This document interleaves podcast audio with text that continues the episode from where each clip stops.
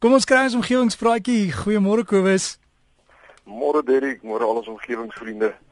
Ek wil graag verander uh, vanoggend aandag gee aan reuke in die omgewing Derek. Dis nou van die liefde af na reuke toe. so dis 'n bietjie van 'n sprong.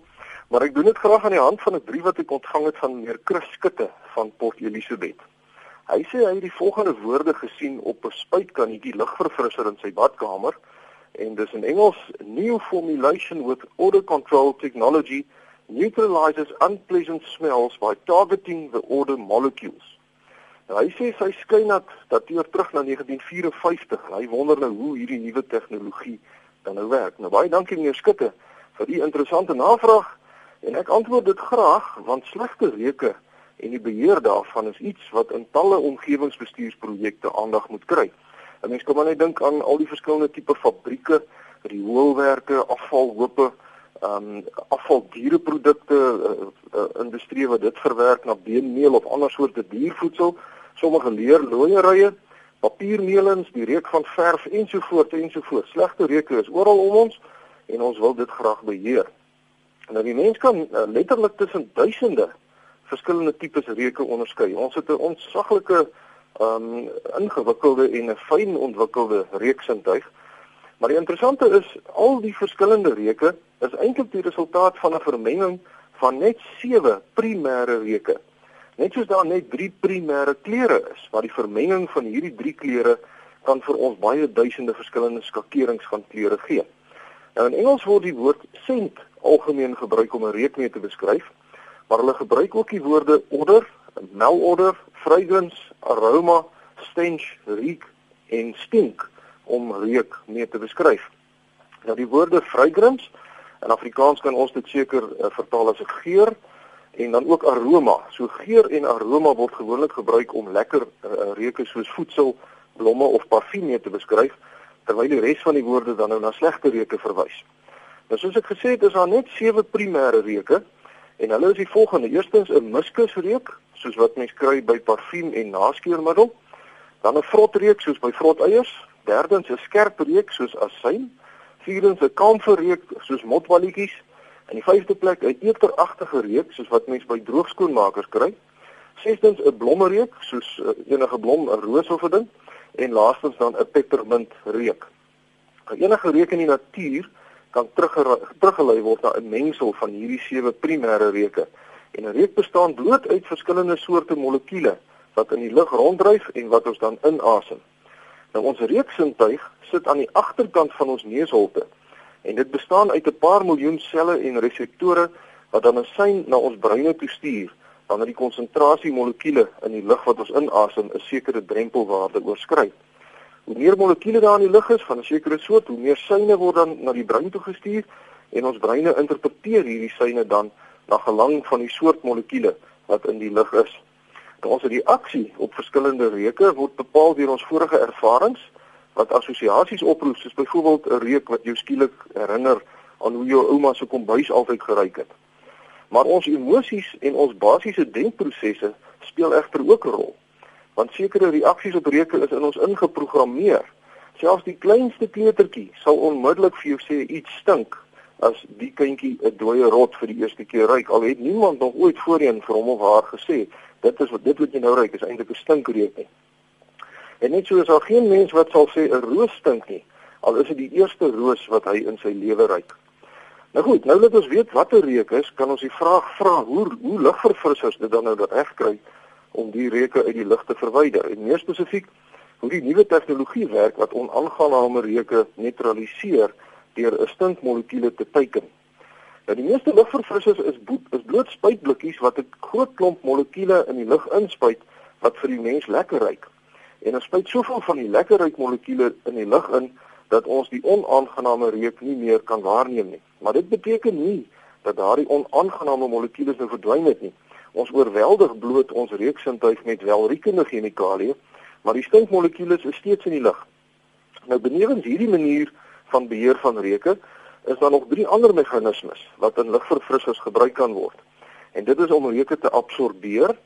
Uh soos byvoorbeeld mense sal in baie yskaste of vrieskaste sal jy 'n stukkie steenkool sien of 'n silika gel. Ehm um, sodat die yskas nou nie nader aan sleg geruik nie. Die die goed absorbeer die die reuke. En dan kry mense ook lugverfrissers wat die tegniek van oksidasie gebruik deur stowwe soos waterstofperoksied, kloor, broom en ander oksidante te gebruik om die oorsprong van 'n reuk te verwyder. En osoongas word ook ingespan om reuke uit die lug te verwyder. En dan vierdens kry mense reuke ehm um, wat veroorsaak word deur onwelriekende bakterieë in die lug. En mense spuit dan ontsmettingsmiddel die lug in wat die bakterieë doodmaak. Die heel omgewingsvriendelikste is egter om die oorsprong van die reuk te verwyder met doodgewone skoonmaakmiddels soos byvoorbeeld vloeistowwe wat mense in 'n kombuis gebruik om werksoppervlakke mee skoon te maak. As mens na tyd kyk of temporele aspekte van lugverfrissers, dan kry ons twee tipes, naamlik sulke goedjies, hoortjies wat mense hier bo teen die muur vasskroef of so. Uh en kort kort dan cheers hierdie ding so straal molekules die lug in. Uh en ook goed soos gegeurde kersse, smeulende wierook, apparaatjies wat mense by 'n muurprop indruk en dan ook sulke goedjies wat party mense nou in hulle motors sit as die kar nou naderhand nou nie meer lekker ry nie. En dan kry jy nou 'n ander tipe lugverfrisser wat net gebruik word wanneer jy dit nodig het. En dit is goed soos byvoorbeeld onderarm spuitgoed of of lugverfrissers in badkamers. Uh, terwyl ons van spuitgoed onderarm spuitgoed praat loop, uh, sweet het geen reuk nie. Dis bakterieë wat in die sweet groei wat onaangenaam ruik. So 'n doodgewone ontsmettingsmiddel wat mense onder die arms vee sal net so goed werk as enige ander manier om 'n sweetreuk te keer. Nou goed, terug na meneer Skutte se vraag, hoe die goed werk wat onwelriekende molekules in die lug teiken. Nou uh, dit lyk vir my die een die soort wat uh, wat hier besprake is, is die soort wat ehm um, van oksidasie gebruik maak. Met ander woorde waterstofperoksied, kloor, broom en dan ook uh, osoon. Ehm um, maar die die die probleem met hierdie goed is dit is giftige goed daai wat liefs vermy moet word en definitief nie in oormaat gebruik moet word nie. En dis nie net oksidante wat gevaarlik is nie, daar is 'n groot klomp navorsingsresultate wat aantoon dat baie van die lekkerryk chemikalieë wat in lugverfrissers gebruik word, sleg kan wees vir mense. In 'n 2007 studie in die VSA is bevind dat stowwe soos kankerwekkende stowwe en ook vlugtige organiese stowwe soos talaatesters in sekere lugverfrissers voorkom. Hulle het 13 van die gewildste lugverfrissers in Amerika ontleed en bevind dat die meeste lugverfrissers asma kan veroorsaak of vererger en selfs hormoonwanbalanse kan uh, hormoonwanbalanse kan veroorsaak. In 12 van die 13 lugverfrissers wat hulle nou uh, ontleed het en dis nou ingesluit die wat nou bemark is as 100% natuurlik of organies, is sulke stowwe gekry en die ergste is dat nie een van die lugverfrissers die teenwoordigheid van hierdie gevaarlike stowwe op hulle etikette aangedui het nie. Hierdie ondersoek uh, ondersoek het daartoe gelei dat 'n klag by die Amerikaanse Environmental Protection Agency gelê is. En dit gebeur egter nou nie net in Amerika nie, maar reg oor die wêreld. In Engeland is byvoorbeeld bevind dat die gereelde gebruik van lugverfrissers in huise geassosieer word met 'n toename van oorpyne en diarree in babas en kleuters en ook 'n toename in depressie en hoofpyne by hulle moeders.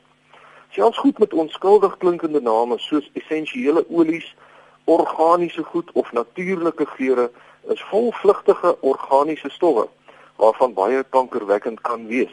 En hierdie feite moet vir enige redelike mens 'n rooi lig laat aangaan teen die oormatige gebruik van enige lugverfrissers.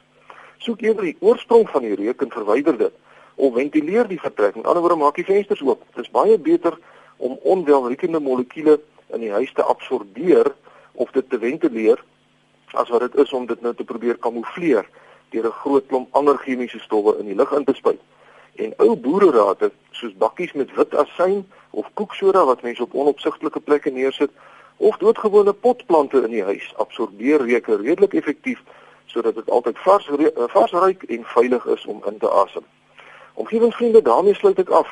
Skryf gerus vir my by kobus.vanderwalt by nwu.ac.za of by die fakulteit Natuurwetenskappe Noordwes Universiteit Potchefstroom 2520. Vriendelike groete tot 'n volgende keer. Baie dankie Kobus en uh, ek hoop nie jy kry te veel e-posse nie want ek weet jy probeer almal antwoord as jy daarom nog op datum daarmee. Weet ek nie, ek is etlike jare agter. nee, ek het ongelukkig um, ek bære al die e-posse maar weet jy, ek sit dit in 'n in 'n woord uh, leer op my rekenaar en daai leer is al meer as 80 bladsye lank.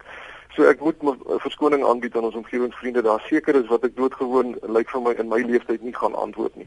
Uh, as jy nou niks hoor nie, moet asseblief nie vir my kwaad word nie. Ek probeer my bes, maar ek het nog 'n ander werkie ook hier by die universiteit ja. wat ek ook aandag aan moet gee. Hoekom ek vra Kobus is ek glo nie mense is bewus daarvan nie, maar soos jy nou gepraat het, ons neem jou gesprek op en hier teen 'n maandag dan sit ons dit op die internet, dan sit beskikbaar as 'n potgooi.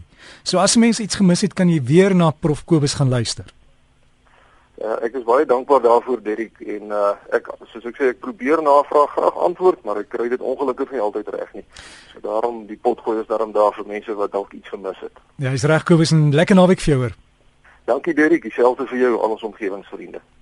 So gesels ons met Kobus van der Walt en sy kontakbesonderhede as jy wil kontak maak is kobus.vanderwalt by nwi.ac.za